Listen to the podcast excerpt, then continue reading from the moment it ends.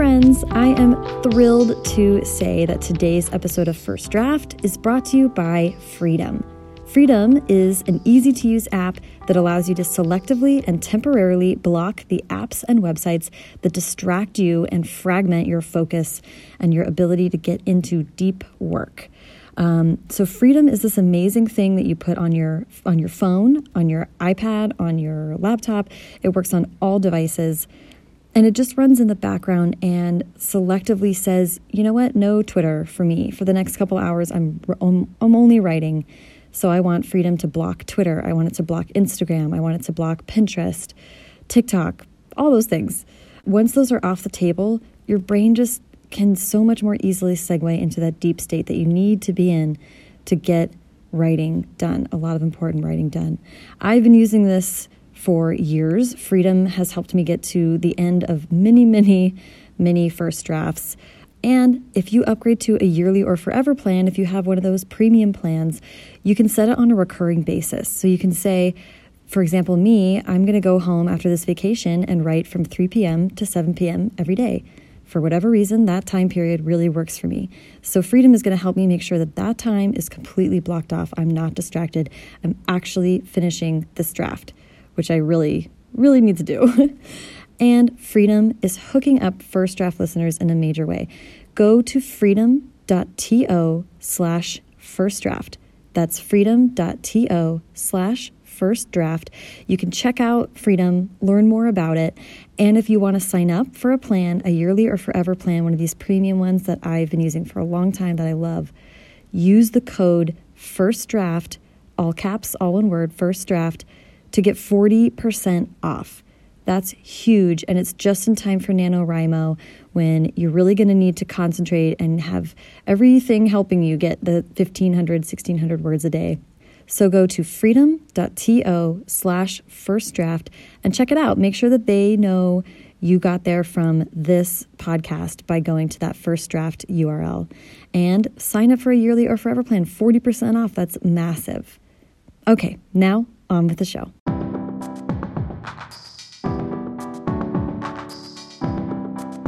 Welcome to First Draft with me, Sarah Enni. This week I'm talking to Leigh Bardugo, New York Times bestselling author of the Shadow and Bones series, the Six of Crows duology, and the King of Scars duology. I was so excited to talk to Leigh about her first adult novel, Ninth House, which is out now. I loved what Lee had to say about the future of the Grishaverse now that there's that Netflix TV show coming up trying to get back to the pure stream of writing that has kept her sane, and telling a story about what it takes to be a survivor. So please, sit back, relax, and enjoy the conversation. I'm good. How are you, Sarah? I'm doing so well. I'm so happy that you could come over and chat again. I'm happy to be here, and I was happy to meet your beautiful cat, Hammer, oh who gosh. I'm desperately allergic to. Hammer has been sequestered. I know. I feel was, bad. He was happy to meet you too. Yeah. Um, I'm also so glad that we are chatting again because everyone listening to this podcast should go back and listen to your first episode where you talked a ton about your background and how you came to writing stories. And then your second interview with me was right when uh, Wonder Woman was about to come out in oh, Language right. of Thorns. Mm -hmm. I just re-listened to it and am mortified at the quality of you audio, should not be. et cetera, et cetera. We recorded that poolside, if I remember correctly. we were poolside. Yeah. There's audible wind. I love it. It really, adds flavor. There's mise en place, if that's, I think I'm using that really wrong. That's completely wrong.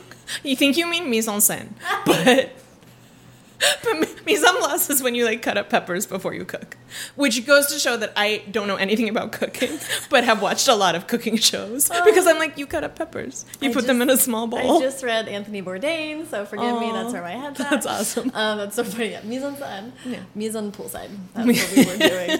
so I'm glad to have this very nice, quiet studio uh, chat about the Ninth House. Yeah. However, I'm going to ask that we start with King of Scars. Okay. Because I really love this book. I'm glad. I kind of want to, given this context that the last time we chatted, let's kind of like lead up from there. Okay. We were at Wonder Woman, Language of Thorns. Um, Language of Thorns was kind of adding to the Grishaverse. And I forget. I think at that point, King of Scars must have been like on the docket. It was on the docket, but I don't think we had announced it yet. Okay. I can't remember. It's hard to it's hard to go back in time to the to the publishing timeline. What were you writing on that retreat? I was actually writing Ninth House on that retreat.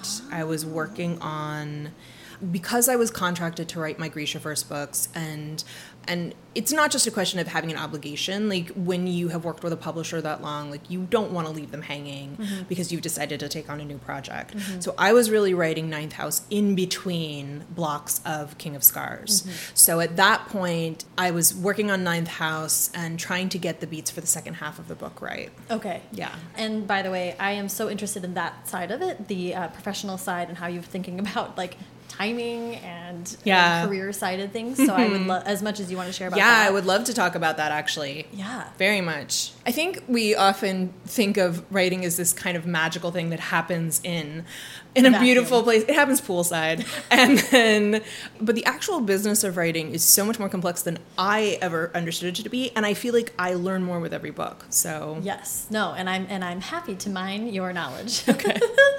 um, it's a shallow pit. well, let's let's first of all talk about the substance of King of Scars. So, uh, do you mind pitching the book for us? Uh, King of Scars is, this has been a while since I've had to do this. So, um, King of Scars is the story of young King Nikolai Lantsov, who is trying to rule a country that is in debt, that is surrounded by enemies. And also at the same time, he's trying to wage a war with the very literal demon uh, or dark magic that has taken him over from uh, inside and that is growing stronger every day. I did my best to make it accessible for people who had not read anything in the Grishaverse.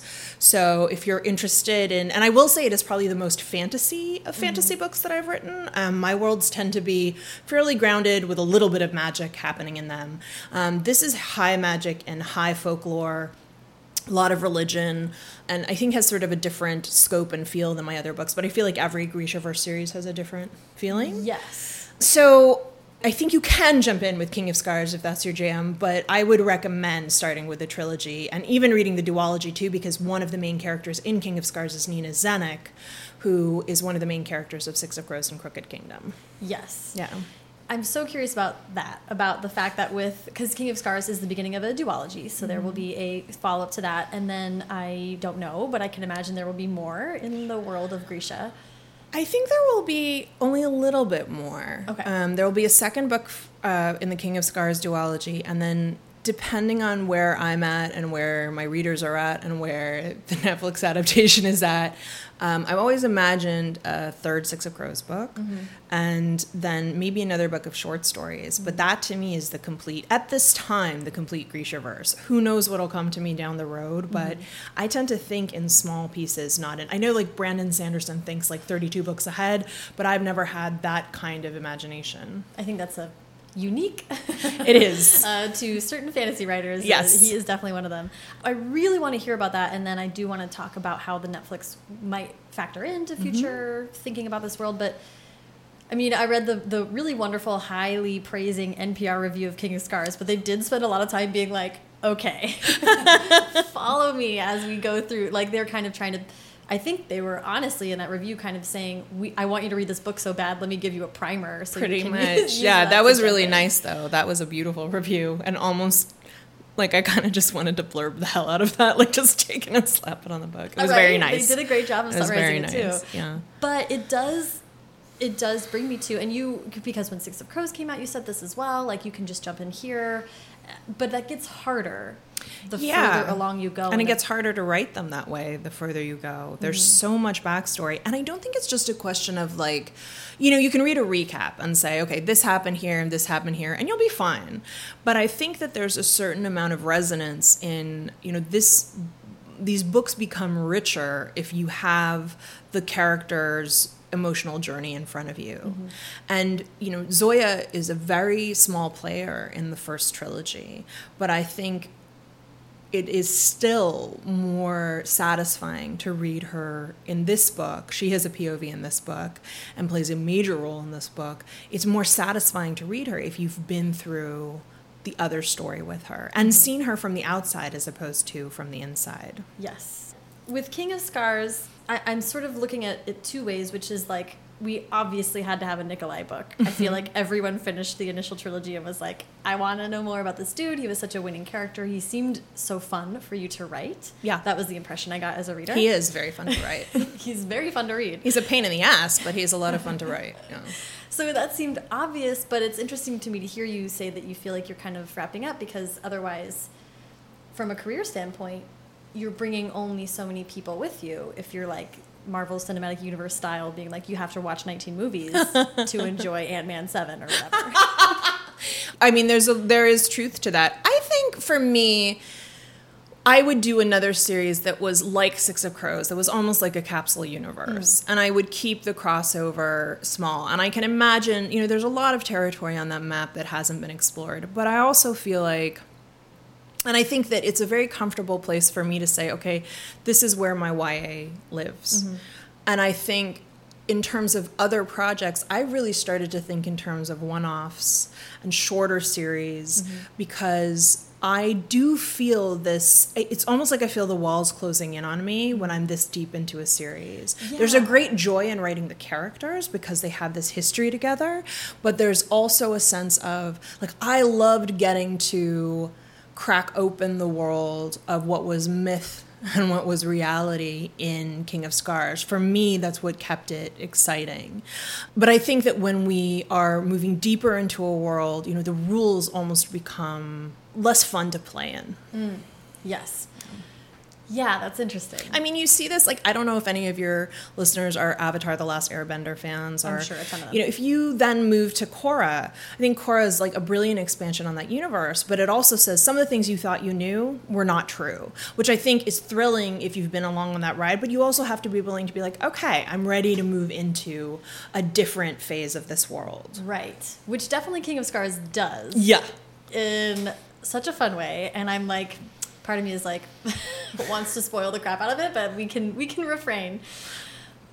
But i do like that you mentioned it is a lot about religion. It is a lot about like blowing the world up. It reminds me of Laini taylor's series at like at the end where you're like ah you know things become clear. Yeah, I wanted to.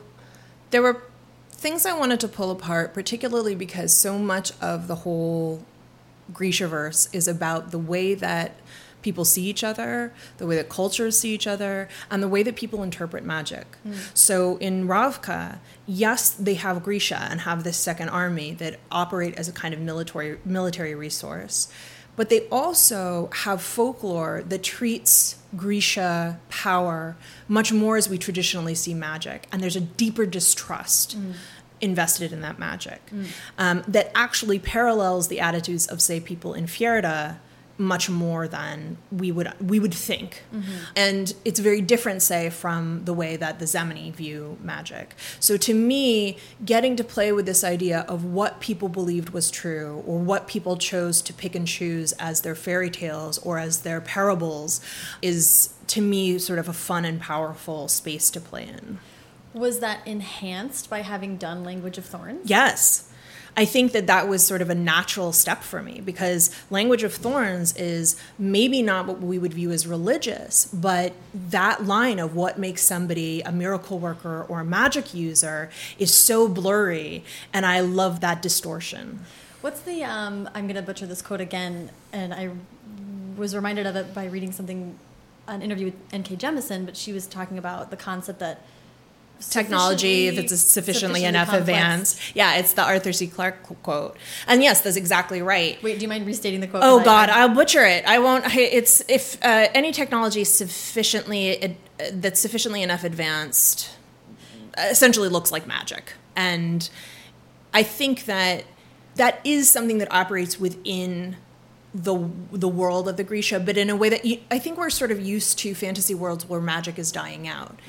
In the Grisha verse, it's not dying out. It's alive and well, but it's being replaced by military tech hmm. and the advancement of military technology.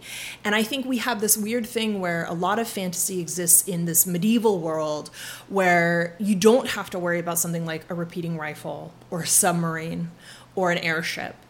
And that uh, is, of course, not true for all fantasy. There's plenty of flintlock fantasy out there and steampunk, and those lines between science fiction and fantasy get more muddied. But for me, the idea that magic stays stagnant in a way that tech doesn't was interesting to me. That is interesting. Right. And I mean, your world is so interesting in how their tech is developed with that magic in mind. So it's, Which Nikolai has a grasp on that a lot of people don't. yeah. there's a strong dividing line throughout the trilogy and nikolai is saying if we don't find a way to use these things together we're going to be left behind because his country has for many years been effectively hamstrung by this by the shadowfold and this failure to industrialize and this lack they have tremendous natural resources but they don't have a way to really deploy them and so he's trying as many Russian leaders did, he is trying to get his country to catch up, but he's not doing it in as brutal a fashion as, as many did. Right. Yeah. and and this will this relates to 9000 ways that we'll get into but he's he's literally fighting this is not a spoiler because it's like the Yes. opening scene he's literally fighting the monster within that he increasingly finds it impossible to contain Yes.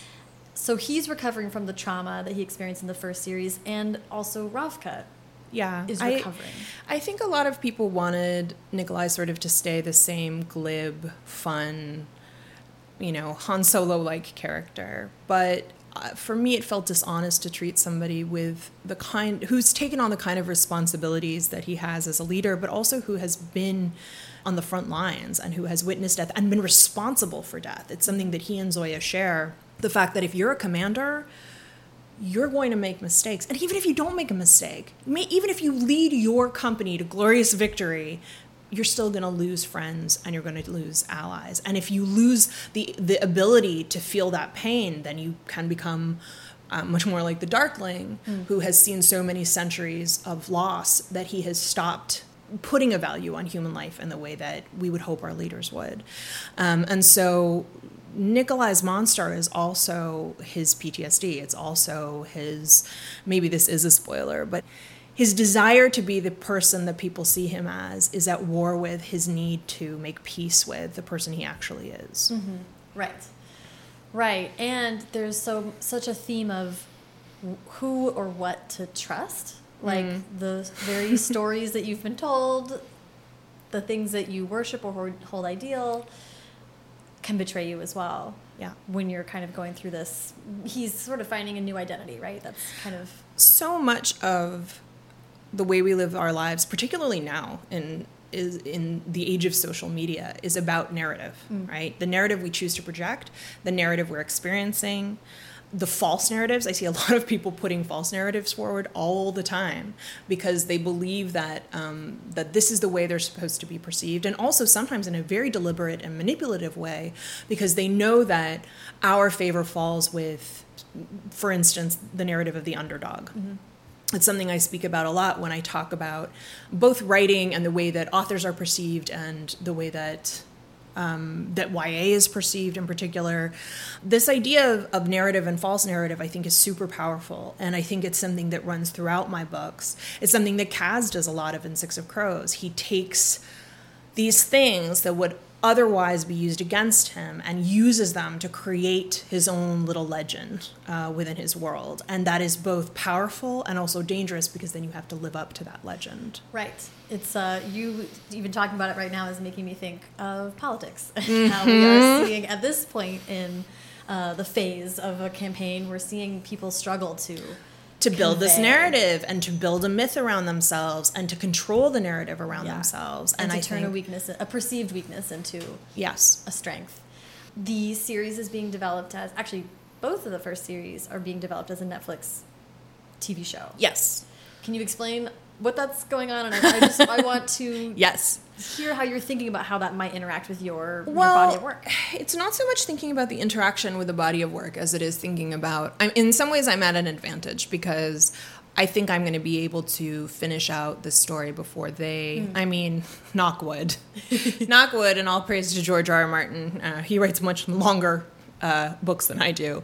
Um, but my goal is to be able to finish this out. That if if if this series goes as planned, and if we're able to keep going in multiple seasons, that I will be able to finish my work on the books before they catch up to me. Mm-hmm. I hope. I will say I have a much greater understanding and sympathy for writers who have been through this because it takes up a tremendous amount of time in your life that you don't anticipate. And let me be real clear I would not trade it for anything. I am super grateful and super excited, but it's also a very new way of functioning and working than I am used to at all. And can you can you talk about that because I'm not sure everyone's aware of how much. Yeah. I, okay. So I'm an executive producer on the show, and to be clear, that doesn't mean I have like veto powers. It sounds really good, right? Executive producer. I make executive decisions, but I have meaningful consultation on things. I can speak up when I am concerned about something. I can advocate um, passionately for things that matter to me, and I do think that um, the people I'm working with care about that. But I don't have any ability to say absolute no or absolute yes. But that also means I need to keep up with things like looking at early production mm-hmm. drawings, looking at costume designs, watching audition tapes, you know, reading scripts. That is all thrilling, but also incredibly time consuming. And you don't read a script once, you read it again and again and again as it goes through multiple iterations and notes. Mm. And these are hour long scripts essentially. So it takes a tremendous amount of time. And it's hard for me to then transition to a drafting frame of mind. Right. Um, because you're really engaging this hypercritical editorial state and then trying to transition to pretending that there isn't a whole machine of people and a whole world of readers and potentially viewers who are going to be engaged in this and it is incredibly difficult for me yeah. so that's really new and I have no idea what I'm doing. I you have no idea what you're doing. No, I I mean I to give you an example, I woke up this morning and there was an email saying, you know, we need to, we're about to start production in two months, um, and there is a, still a part of me that believes that that it will not happen it will not come to pass but it seems that a lot of other people have been hired and paid and believe that it will come to pass so um, so i woke up this morning to this sort of urgent look we need to get this person, this person, this person locked, and here are our selects for these actors. And on the one hand, it's awesome to watch, but on another hand, you're like trying to figure out like, and you're you're putting your votes in for people, but you don't know where other people fall. So it is really this sort of intense thing. And then, oh, you know, there's this mention of this thing in episode 102. Is it going, you know, do we need to reconcile this with 103? And I'm like, wait a minute, I don't remember what was in 102. So go back, go back. And, re- and this was all before trying to sit down and squeeze an hour of writing in. And I find that quite challenging. And at the same time, I'm promoting Ninth House. So right. there was a time when I could carve out not just weeks, but months at a time to just be in the world of a book. And I don't want the quality of my novels to decline. I want to take the time I need to take. And I've never been a particularly fast writer. I mean, mm. for any place other than YA, I'm a fast writer. But for YA, I'm not a particularly fast writer. And I'm also a sort of obsessive writer. You know, I go through my drafts again and again and again, and my revisions and my copy edits and my first pass. And I always apologize to my editors when I'm like, look, this is the way it's going to be. you know, this is, I am that person who is going to be reading this through every single time, no matter how sick of it I am. Um, and I'm not sorry about that. I think that it makes for a better final product, and a book is a product. But yeah, I don't really know what I'm doing. So I'm trying to find a way to build a life that allows for the business side of this and the creative side of this. And we're all doing that, but I just, these are new challenges for me. I definitely, like, do you feel like, I'm asking this because in my head, I'm always like, oh, but you know, a year ago I really had this figured out. And I was doing this, and then you know, when you get real with yourself, you're like, wait a second, I've always been flying by the seat of my pants, and yeah. I never fit together. I mean, I feel like there was this stretch of a couple of years where I was working really hard, but I sort of knew my method. Like I might have been crazy stressed and afraid I wasn't gonna. I pulled three all nighters, not in a row, but three all nighters. At my age, that is something. On Crooked Kingdom, I could not do that now you know. Right. But I feel like in terms of my writing process, I sort of knew what I was doing. I knew the amount of time I needed to work on something. Certainly mm-hmm. there were surprises, but I felt like I could put my head down. Mm-hmm. and say, okay, and then where this is where promotion is going to pick up. Mm. But then that all changed, Right. you know. Right. And and I think too, I always feel healthier and happier when I'm writing. Mm-hmm. Um, when I've if I've had a few hours and and even if I'm not writing great stuff, if I feel like I'm moving forward in a draft, and then you get you know a few wonderful days. Mm-hmm. If I feel like I'm if I'm writing, then I feel more centered. My mood is better, and I think it. I was thinking about this like, you know, when I was in junior high school, this was my way of surviving was to write. Mm-hmm. It was it's the kind of writing you do when you're young where you can just generate page after page and terrible poem after terrible poem. And this was my way of um, feeling okay when the rest of the world was in chaos. And now i don't quite have access to that. And so i'm trying to find a way to f- to get there so that i don't feel insane all of the time. Right. yeah. And I mean, contributing to this, I can imagine, is the fact that you're not off in the woods like so- you know in, in Santa Fe like George R. R. Martin or whatever. You're like right here where it's happening. You're in Los Angeles. Yeah. All this is happening in Los although Angeles. we will be shooting in budapest so Really? yeah That's exciting. I know. I'm hoping to visit set this fall, so Yeah. we'll see what happens. So that that that makes a lot of sense to me, and I think that is the struggle that a lot of people have when they're. It's sort of like you you sit quietly in your own room, wishing that the world recognized your brilliance, and then when the world does, you're like, oh shit. I mean, I'll say this too. I don't think it's radically different from somebody who is trying to write their first book or their second book or their third book and balancing a day job or balancing dependence or whatever it is. This is something that we come up against again and again. And the writing life, the creative life, is very rarely this pure thing that I think we understand in culture. And I think there is that vision of like the writer off in the woods in their cabin, but there's also this kind of vision that's like on castle where it's like you go to glamorous parties and do glamorous things and it's like mm, no. It's actually just a shit ton of meetings and emails and phone calls, so many phone calls and legal stuff, you know, copyright stuff, trying to to wrangle this thing and you know, the show doesn't exist yet. You know, it doesn't exist, but it does in this amorphous form for so many people. So trying to grapple with that of all these people who are suddenly crowded into your living room is um, a challenge. Right. Yeah. I mean, it's very fascinating to talk to you at this particular moment, also because it is. It is moving along. Netflix is happening, but it's also. But it hasn't happened. Not out in the world. yeah, it's a very. it's this it's this thing that takes so much of your time and your creative energy.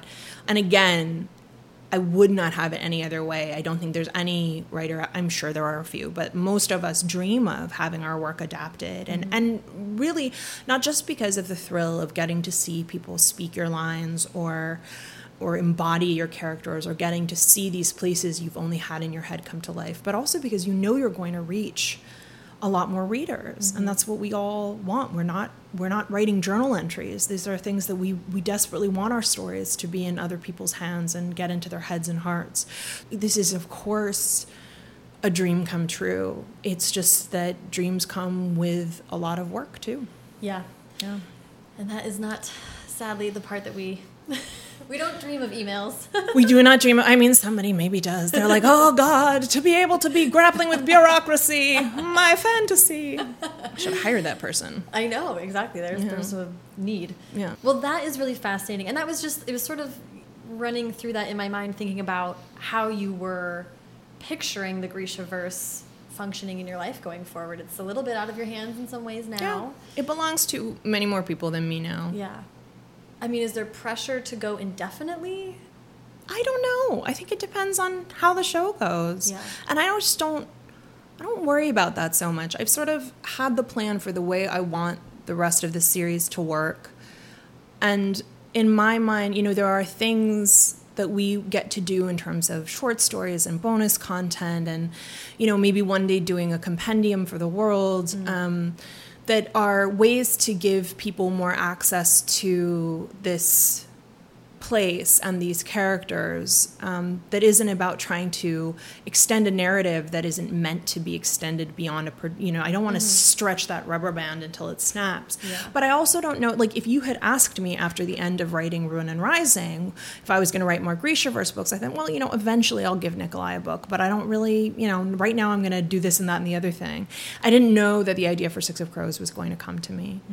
And so i don't know what what the you know you're walking down one path and you don't know what what you're going to glimpse over a particular horizon and and decide oh wait i really want to go there so i don't want to close off any doors and i don't want to say never Yeah. You know, you mentioned earlier that you kind of feel like your YA lives in the Grishaverse. Mm-hmm. And we're gonna, I want to talk a lot about moving into adult with Ninth House.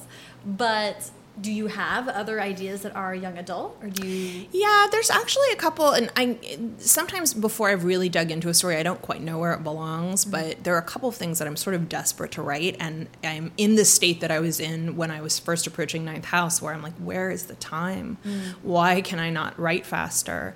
Because I there are a few things that I I feel them pulling at me all of the time, and and I they're they're greedy, and I want to indulge them. Yeah. That's, A, that's a hard state to be in. I'm. I relate to that a lot right mm-hmm. now. I feel very frustrated with myself that I can't be more efficient. I know what you mean, but I also think something I've also been letting myself do, and this was, you know, with Ninth House, I was supposed to be starting on Crooked Kingdom. I had just come off of Six of Crows tour. Mm-hmm. I was exhausted and I was really burned out. You know, Six of Crows was an incredibly challenging book to write, and I knew Crooked Kingdom was going to be just as hard to write. And I wasn't ready to dig in. I was supposed to. I was going on this writing retreat, and I was like, this is what I'm going to spend the next two weeks doing. And instead, I spent them working on Ninth House, and it was writing a proposal and just saying, I am, instead of lying here and beating myself up and trying to get blood from a stone, I'm going to let my creative guide put me in the space of this and i'm going to research and i'm going to let myself off the hook mm-hmm. and it was exactly what i needed to do you know? This was before ninth house hadn't sold. We didn't know if there was going to be any market for it. We didn't mm. know really what it was. It was just this idea that i had been talking about since i first signed with my agent and that every couple of years we'd be like and the ninth house. And then we'd be like oh, there's so much other stuff to do. And I mm. Had begun to feel like I would never get there. And so now that I'm working on the second King of Scars book, I'm also saying, okay, if I'm having a bad day or if I'm not able to get to that place, it is okay to work on another project. Better that than sitting there and scrolling through Instagram, because then at least at the end of the day, I feel like I've done something that feeds me. Yeah, that's so. That's a really great thing to put out there. I think. Uh, Yeah. I had to uh, recently was like for some reason I wasn't able to get into the book in any way besides being like, you know what? I think I'm going to make fake Wikipedia pages for all the bands that I made up in this book. That's so great. And it was just so, you know, this sounds so like woo woo, but I was like, for some reason, that was how this came to me. I was like, I want to make fake Wikipedia pages. I think that there is this that there's this like split personality that we have when it comes to craft. There's a part of us that are, is this like we're all going to be Hemingway and we're just going to write and we're going to drink and then we're going to write some more and then we're going to go run away from a bull, you know, like and that it's this kind of, you know, and and this way that we dismiss opening these other doors to bring these characters or these stories into our house. And then we have this other side, which is this kind of like, and we're going to journal and we're going to do mm-hmm. self care. And then it becomes this almost gendered way we have of looking at writing. And it really doesn't have to be that way. Mm-hmm. You can be a, a- an ambitious, driven, craft machine and you can also be someone who takes care of herself mm-hmm. And um, and goes the places she needs to go bravely.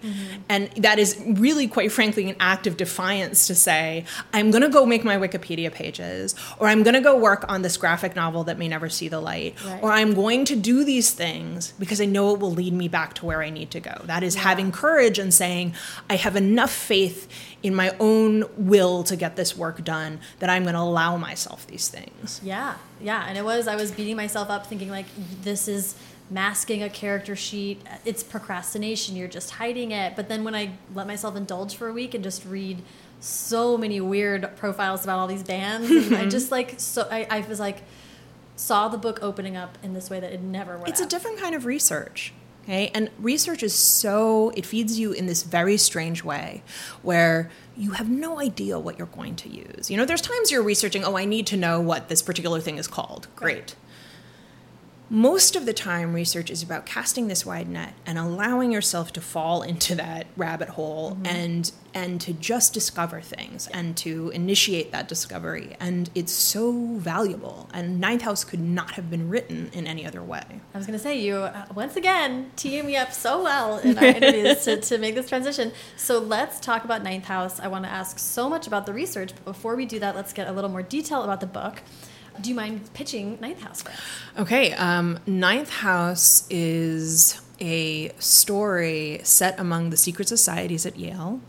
And it's really the story of Alex Stern, who is this young woman with a criminal past who is out of chances. And she is surrounded by people who burn through second chances.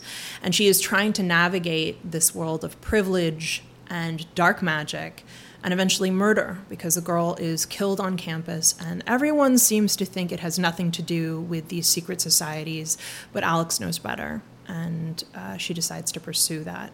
Sometimes putting herself in the with painting a target on her back. Mm-hmm. Yeah. Uh, okay, so you mentioned earlier that this idea has been around for a long time. Yeah. Can you can you let's let's do the forensics on that. What, okay. Was it when you yourself were at Yale? Um, yes and no. Okay, so I feel like I keep telling this story, so apologize apologies to anybody who's been at one of my events and has already heard this. But this is it's so rare that I feel like I can trace back to a particular moment with a with a book. But um, so back then, uh, when I was an undergrad, um, we wrote letters to one another, and I had gone off campus to post office to get my mail and I was reading a letter and I sort of had my head buried in it. And I'm one of those people who I think a lot of readers are like this, but like my parents genuinely worried when I went away to college that I was going to walk in front of a car because I'm just so much in my head. So I look up from my letter eventually and I'm like, I have never been on this street. Oh my God. And I look to my left and I see a giant mausoleum. And I, when I say giant, I mean it was the size of an apartment building. And it's all white marble with a Greek pediment and columns. Like, just it is a mausoleum. And it is surrounded by this black wrought iron gate uh, covered in black snakes, black iron snakes. And on my right are the gates to the Grove Street Cemetery, which is basically smack dab in the middle of the Yale campus. And these gates have a plinth on top of them that reads, The dead shall be raised. And I thought, where the hell am I? Like, this was, you know, we as fantasy readers are constantly looking for magic to creep into our worlds. We are, we are looking for the places, and we are so, there is always something lurking in the woods or under the bridge. And it, here I was in this incredible moment. And I found out later that this giant mausoleum was the clubhouse or tomb of Book and Snake, which is one of, um, there are many secret societies at Yale, most of them more society than secret, but there are eight that are considered, they're called the Ancient Eight, and they are the most established and sort of prestigious of these societies. And this one was Book and Snake. And so I sort of became obsessed with these structures. It was so, I had never heard of Skull and Bones, like, I never heard of these places. And I became just, there are these incredible, weird architectural things that are all over campus. And I, of course, wanted to believe that magic was happening in them. And as it turns out, they're quite mundane. But for the purposes of Ninth House, I thought, okay, well, what if the reason that these societies yield such prestigious alumni, you know, presidents, secretaries of state, publishers, Academy Award winners, hedge fund managers, people who make and break economies. What if the reason for that is not that they're old boy drinking clubs, but what if they're actually repositories of occult magic? And what if each of these societies represents a different branch of that arcane magic. Well, if you're going to put that kind of magic into the hands of a bunch of undergrads, then there sure as hell better be somebody making sure they don't quite literally raise hell. And that was where the idea for the ninth house came to me. That is amazing. Okay. So is it? Did it sweep over you all at once? Was it something no that's chewed over no time? this is something that's been percolating you know this i can point to that moment but i can't point to the moment where i, I really came up with this idea it was something that developed over time and when i first signed with my agent with shadow and bone you know i, I came to her off of the slush pile i said you know, she asked me what other ideas I had or wanted to pursue, and this was one of them. And by then, it had evolved into knowing that it was about this girl, Alex Stern, but I didn't really know her. Mm. And I guess the second, you know, Ninth House really has two origin stories. That's the fun part of the story, mm-hmm. right? Like, that sounds fun, you know, like secret societies, magic, Yale, awesome. But the other origins and story it has is, you know, when I was coming up to doing my first research trip for Ninth House, I can't really call him a friend. I would call him an acquaintance. Reached out to me via text and said, oh, you know, my kid is reading your book, and are you going to go to a reunion? And I had sort of not remembered that reunion was happening, mm-hmm. and I thought, oh, hell yes, I'm going to reunion. I have something to gloat about now. I'm a New York Times bestseller. Of course, I'm going to reunion. Um, and you know, we started corresponding via text and talking about you know who was going to be there and so forth. And he started sending me pictures. He had lived in a suite across from my suite of it was you know they're co-ed dorms at uh, Yale, and we had lived in the basement of uh, of a dorm in on old campus, and their suite of guys had lived across from our suite of girls, and so we would you know we would drink together and so forth. And he started sending me pictures of all of us hanging out, and I had this incredibly negative reaction to them, like a really profound unpleasant reaction. And I realized that I had sort of been dodging, excavating my own experiences at Yale. And I had forgotten, you know, the people I had kept with me from college were the people I had wanted to keep with me, the people who were still in my life, who, who had become my idea of what Yale had been to me, were the best. They were the kind people, the brave people, the dangerous people. You know, these were the people who had had my back and whose backs I had had. You know, these were these were the people I loved, who I had kept with me, and everybody else had fallen by the wayside. But the everybody else is the truth of what college was like, and this culture that we all lived in, this toxic, white, straight, rich culture that we were all striving to be a part of.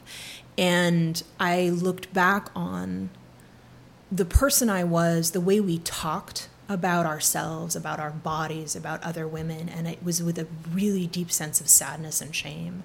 And the language around gender and power and assault and harassment has changed so much. I wish I could say that these these things had changed. They have not. My Google alerts tell me differently.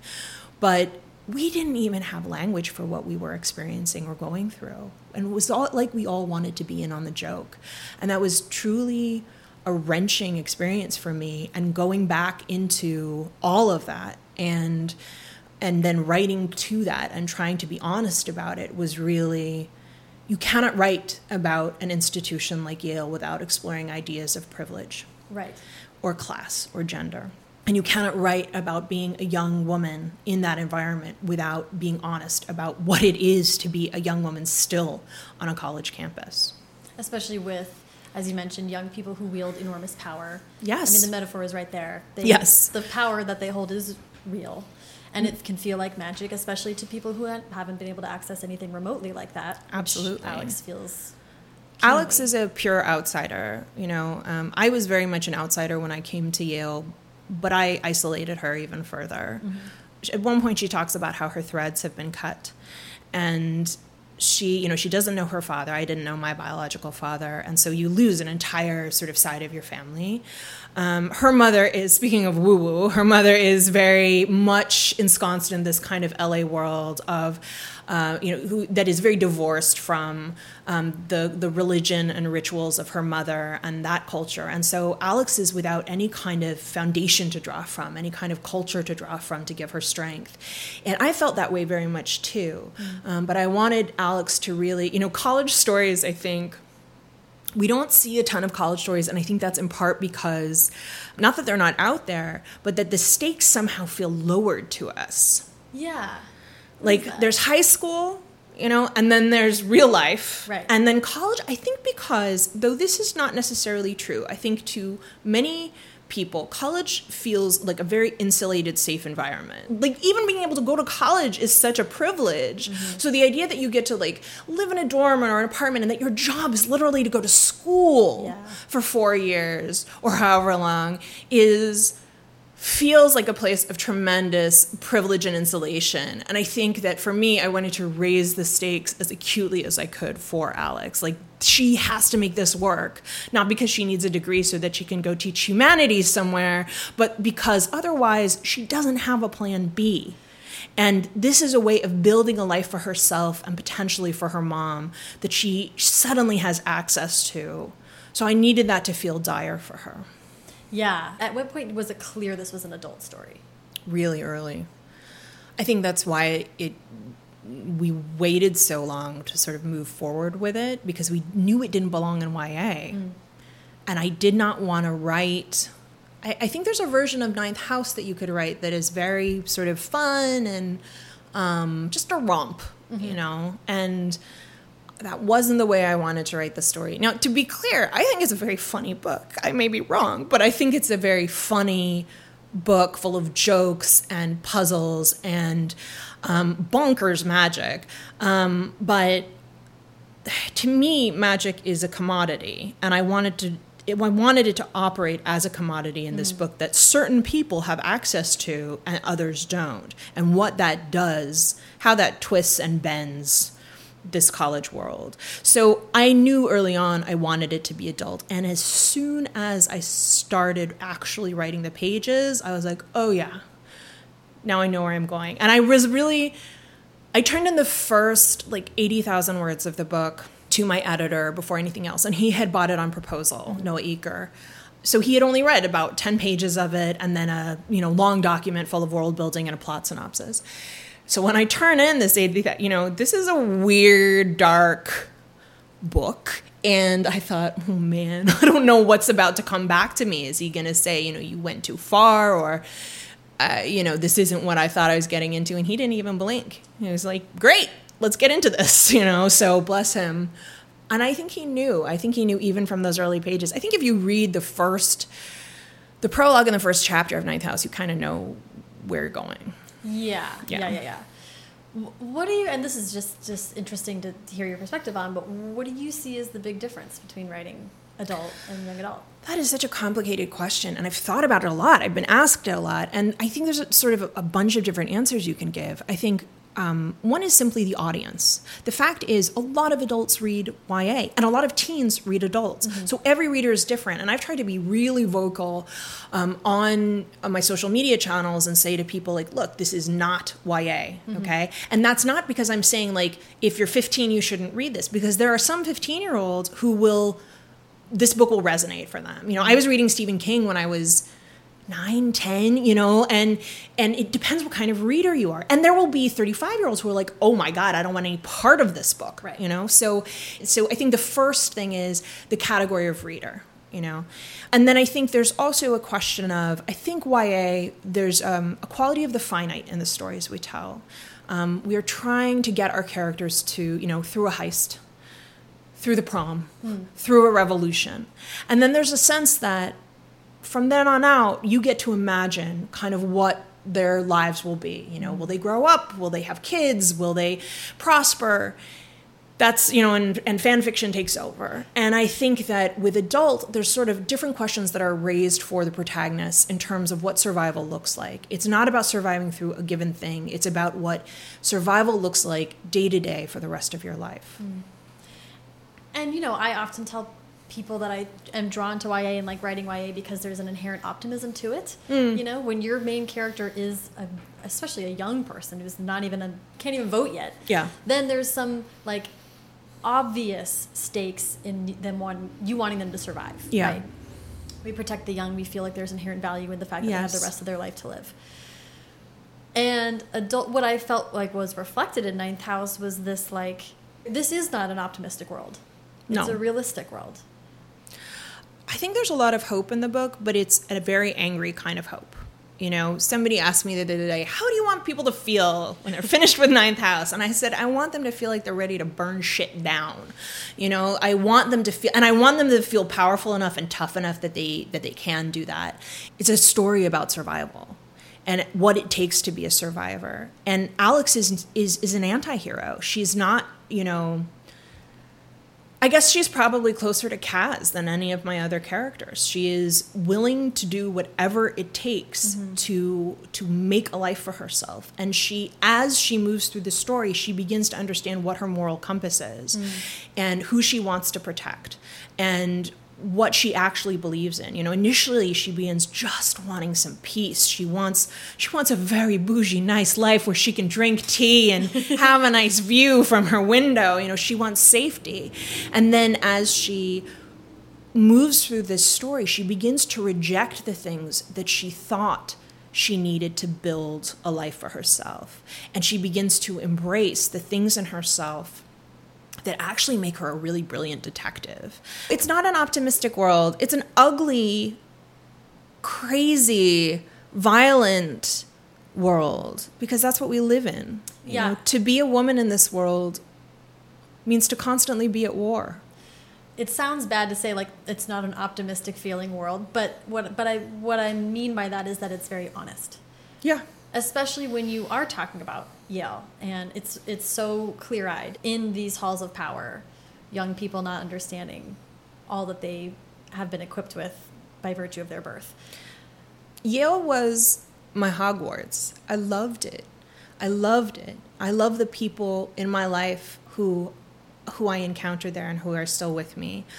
I loved the experience of living in these beautiful buildings and going to class. You know, there's there's this one classroom in uh, in Linsly Chittenden Hall with this incredible stained glass window uh, with all of, I mean, it, I, I think it's a Tiffany window. You know, like this is, as a kid who came from the San Fernando Valley, where nothing lasts for long, you know, it's all strip malls, to be in this place of beauty, of beautiful, strange things, as if they can afford the, the, the strange. You know, there is a secret sculpture gallery, okay? Like, who can afford a secret sculpture gallery? They can. Yeah, it's like hidden bookcases are only in certain houses, right? Yes, because you can afford, you know, not like, I need to make the most of all my square footage. You're like, I can, in fact, have a secret den over here.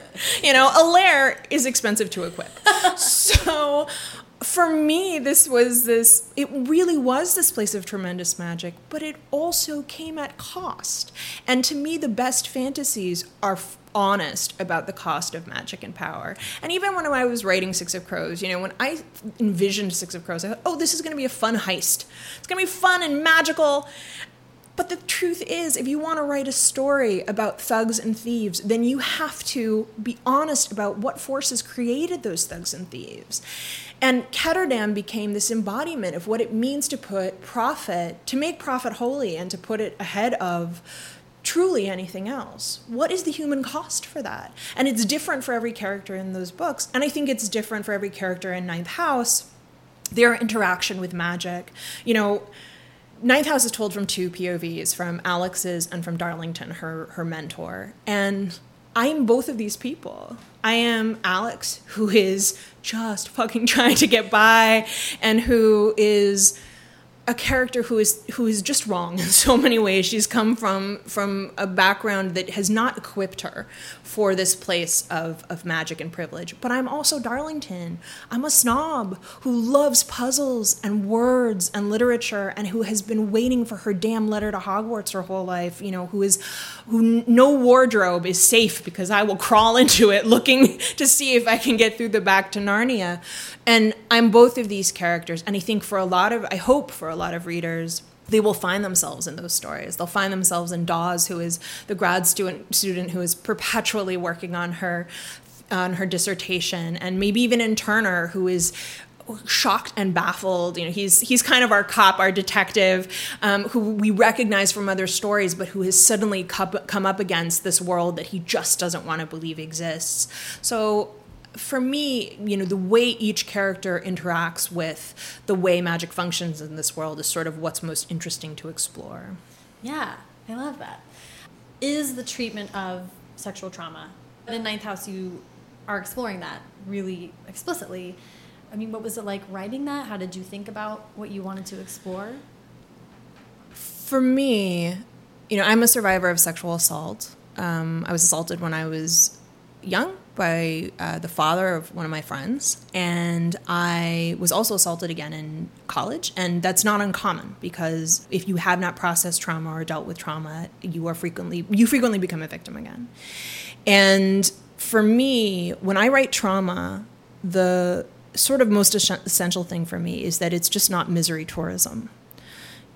I wanted to explore trauma through the lens of someone enduring it, surviving it, and then conquering it. And I don't think that's something ha- that happens in a few pages or that happens because you make just the right friends. It's something that has to be explored day by day for the rest of your life. And Alex is someone who has been cut off from friendship. She has been cut off from the things that give us strength. And at Yale, she begins to discover them. And through her involvement with the Ninth House, she begins to question what has happened to her and to call people to account, not just men, but women as well. And there is a, what I can only describe as a prolonged revenge fantasy scene that that I swear felt like it was written in a fever dream. You know, I didn't expect this book to be cathartic for me in the way that it was. But when I say it's an angry book, I mean it. You know, this is something that we are now beginning to talk about and it is a commonality that we experience not just you know it's not just for women it's for all of us who are experiencing this culture. And i just wanted to deal with this honestly and also to give people hope at the end. I never want to write something that's bleak for the sake of being bleak. Mm-hmm. well not again i'm going to endeavor to ask this with no spoilers okay. but speaking of hope at the end yes. at a certain point in the book a certain character hadn't been there for a while, and I was like, "What's gonna happen?" I I didn't know there was a planned sequel, so I was like getting very distressed. Mm. But now that I know there's more, yes, um, was that always planned? Yes. Did you okay? Yeah. you knew yes. how it was going to break down. Yes. There are three sort of main mysteries that operate through Ninth House. Um, there is the murder that is sort of propelling the present day narrative. There's the question of what happened to Darlington, and there's the question of what happened to Alex and who Alex is. And because she is not the character we meet, we meet a girl who the truth of who she is and what she can do is very different from the person she's trying to present mm-hmm. at the mm-hmm. beginning of the story. So those are sort of the three driving mysteries, and it is structurally very complex. And so I had to know where I was going from the start. Did you feel like your audience was going to be more patient because you're writing an adult book? I don't know. I mean, I guess I'll know when the book comes out. I think for me, I hoped that the murder mystery would be enough to keep them with me. Mm-hmm. But you just don't know. You don't and and my impression is from early reviews there's some people who are like, I didn't know what was happening in the first 100 pages and I'm like, I feel you. You know, like there's a lot being thrown at you. But there are other people who are like in from the start because they're along for the ride. Mm-hmm. And I think it just depends again on kind of what kind of reader you are. I can only write the story the way I want to write it and try to make it as clear and as rich as I can.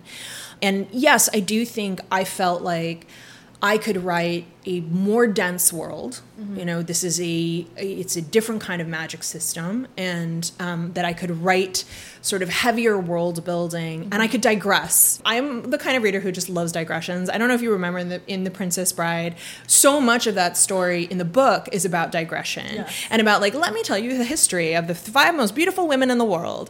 And even as a kid, that for me was the most fun. Like those were my favorite parts of the book, and I wanted to build this world where you really couldn't distinguish between the real and the imagined. And I think people would be shocked to know how much is real in Ninth House. Yeah. Yeah. I mean, I love that. Good. How, speaking of uh, that, I mean, I'm interested in that element because it is like, this is not in your imagined world. This is in the real world.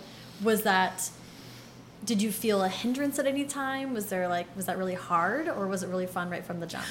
It, I mean, it was really fun because New Haven is so bizarre. Like, this town is so fascinating. And when I went to do my research at Yale, I had planned, I had sort of planned it as a Yale research trip. You know, I was going to tour the Beinecke and I had to tour the Peabody setup. And, you know, I was going to, I stayed at my old, in my old uh, residential college. And I, I had sort of envisioned this as me, you know, you know, going and taking notes on the architecture. And instead, what ended up happening was this lovely guide, Barbara Lamb, ended up really opening my eyes to New Haven. And I'm embarrassed at how little I knew about the city that I spent four years in, but I fell in love with this place. And that's why Darlington has the story he has. I originally had imagined him as a kind of scion of an East Coast family. And what I realized really quickly was that New Haven had this incredible history, their relationship to manufacturing, their relationship to race, that I wanted to play out differently um, and that I could explore much more fully if Darlington was from a family that had built and lost their fortune, mm-hmm. as is the way of New Haven, um, in this city. It's frustrating because I had one research trip there, and then there were you know things that you have to contend with in terms of just mapping a place that you don't think with, of otherwise. And you can there's a level of convenience to building your own world where you can really make it easier for the audience to navigate than a real city that they've never been to. Yeah. you know i say old campus. Most people have no idea what that is. They just right. envision you know maybe some old buildings. Old campus has a very specific structure that actually impacts the way the characters interact with it. So there, there were certain things that were a challenge, but it was also this tremendous joy because there are all of these secrets and stories in that book that are real. Um, one of my favorite examples is that the New Haven Green is in fact built over um, the city's first cemetery and that they transported many bodies from there but there are still thousands of corpses beneath the new haven green. And that in fact a skeleton emerged into the roots of a tree um, after this big hurricane. And so this is what new haven is like you know, and you would I would learn something like you learn about the old tomb of um, St. Elmo's, one of these societies. It's now called Rosenfeld Hall, and it kind of operates as an office space for the campus. So I start researching this tomb, and who knows if it's real or not? But supposedly, it has seven subterranean layers that are full of taxidermied zoo animals. So every time you think you've discovered one thing, you've actually discovered like eight things. Wow. Yes, that were apparently acquired by J.P. Morgan because why not? Of course. There are so many incredible true stories. And I also wanted to, you know, there's this restaurant, Yorkside.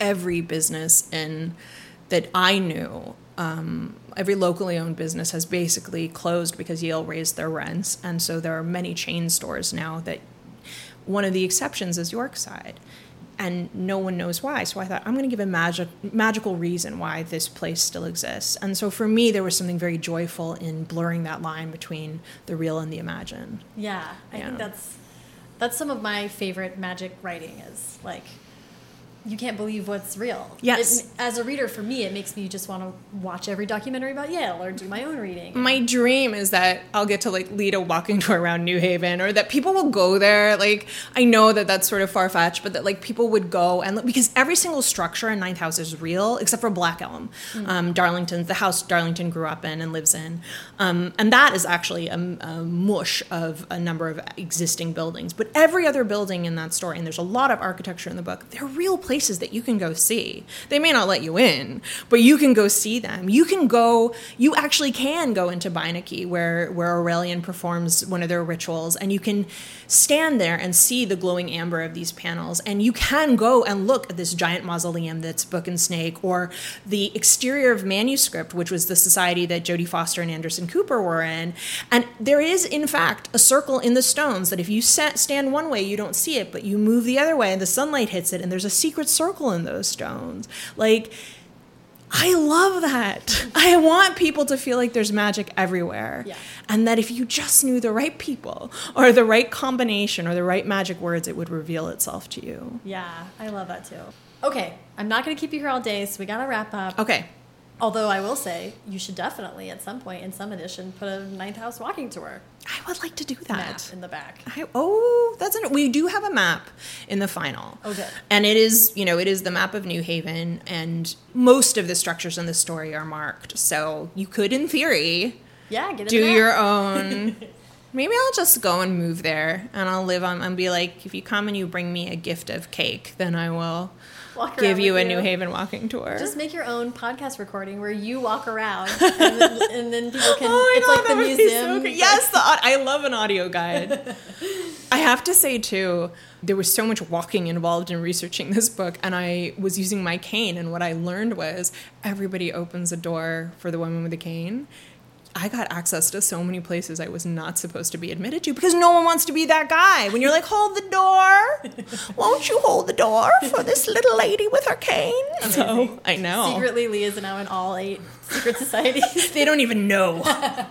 Just add your name to a ledger somewhere. I like this. Um, oh my gosh, you've been so generous with your time. Thank you so much. My pleasure. As you know, we wrap up with advice. We've gotten the chance to talk a couple times, so I'm just curious if there's maybe anything more recently that you have come across that has aided your writing or that you've been thinking about in particular with your writing lately that you want to share. I mean, I guess what I would say first, I would say visit Robin LaFevers' Instagram or sign up for Susan Dennard's newsletter because they generate information on craft so frequently and it, they always have interesting, great stuff that I'm like, oh, I'm going to try that. So, um, I guess what I would say is maybe that every book is different. Um, I thought I really knew my process and I sort of had it down for every book. And Ninth House kind of proved me wrong. It was a very different book for me to write, and it meant writing very slowly and writing deeply and and doing multiple iterations in a way that I hadn't done before. I used to fast draft, so I would just charge straight through. So I think you respect your process, you build your process, but then you also have the have to have the flexibility to say that that a book may ask something different of you. Did you find it freeing to write this as an adult story? I found it fairly terrifying.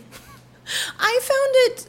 I think anytime you do something new, there's a tremendous sense of risk attached. And people want you to stay the same. And I don't mean just readers, and maybe not even readers. Readers maybe want you to branch out. I think, though, that when you found something that is successful or working for you, there's a real sense of you should just keep doing that thing.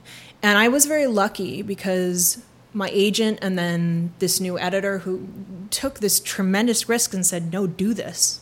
Take the time to do this." And and then we're going to try to make it work. And then there were, uh, you know, authors like Kelly Link and Lev Grossman and Joe Hill and Stephen King. Thanks, Stephen King, um, who who didn't, you know, people love to write off YA and Charlaine Harris. I don't want to miss Charlaine, um, but people show a great deal of contempt for YA authors and YA readers. And I wish that that had changed. And I don't think it really has. I think we still see the same lack of understanding of the breadth of what is available um, under the YA banner. So I feel very grateful that people were able to and willing to embrace this story without regard for the sort of stigma that comes along with YA. I love YA and I will always write it and I will always defend it. Um, but it it felt honestly in writing Ninth House like I was really sort of running off of a cliff and sort of my little feet were pedaling in, in the air and I was just hoping to keep suddenly sprout wings. So yeah, yeah. yeah. Oh, that's so interesting. Well, yes, and and also Stephen King, to his credit, has I think always been such a great champion for. Yeah. He'll he'll shout about good works wherever he finds them. So Bless him. a very early adopter of J.K. Rowling, which worked out great for him. I mean, I I can honestly tell you when we got that email with his blurb in it, I was in a hotel in Boston um, on tour, and I made a sound that I can only describe as like a strangled bleat. It felt like my like part of my body had shut down. Like I literally, I was just just couldn't function. So yeah. yeah, Okay. was not cute. It's not cute. A bleat. A bleat. Um, we should all be so lucky to discover our secret bleats. um, well, on that note, thank you again so much, Leigh. I am. s I It, I should just be outright and say I loved Ninth House so much, and I'm so you. excited for. Thank you so much. Thank you for reading it. Thanks for having me back. Thank you so much to Leigh. Follow her on Twitter and Instagram at El Bardugo, and follow me on both at Sarah Enni and the show at First Draft Pod. For links to everything Leigh and I talked about in this episode, check out the show notes, which are at firstdraftpod.com. Uh, I make show notes for every episode. This one is super fun. It just is links to all the movies, TV shows, other books, other writers, um, and other, you know, maybe interesting facts about Yale and some of its secret society members that Leigh brought up in this episode. So check that out at firstdraftpod.com. Do you have any writing or creativity questions that you would like me and a guest to answer in an upcoming episode? I hope you do. I'd love to hear where you're at in your creative process and if there's anything that myself and a fellow writer might be able to help you with. Leave those questions at the voicemail box I set up for First Draft. That's at 818 533 1998. One more time 818 533 1998. If you enjoyed the show today, please subscribe to First Draft wherever you're listening right this very moment. And if you have a couple minutes, please consider leaving a rating or review on iTunes. It's super easy. Um, I'm going to read you one of the recent five star reviews that was left for the podcast. This review was left by Bryn Avery. Bryn says, Inspiring podcast for writers. I just found this podcast and I am now binging all the amazing episodes. I love hearing from authors like Susan Dennard, Leigh Bardugo, Marie Lu, and so many others. Great for people who are in the query trenches, just getting started writing, or want a little inspiration from writers who have found success. Sarah moderates with ease, and I love her insight on writing, feminism, and really all the things. Highly recommend. Oh my goodness, Bryn, that is an incredibly sweet review. Thank you so much uh, for your kind words and for taking the minute out of your day to leave that review. That means a ton. Reviews like that kind of get the algorithm working in our favor. It puts First Draft in the recommended feed for other book and writing podcasts and exposes us to people that might not have heard of the podcast before. So, that kind of organic growth is really huge for the show and I really appreciate people like Bryn taking the time to give some shouts. Haley Hirschman produced this episode. The theme music is by Dan Bailey, and the logo was designed by Colin Keith. Thanks to production assistant Tasneem Daoud and transcriptionist at large Julie Anderson. And as ever, thanks to you, dreamers of emails, for listening.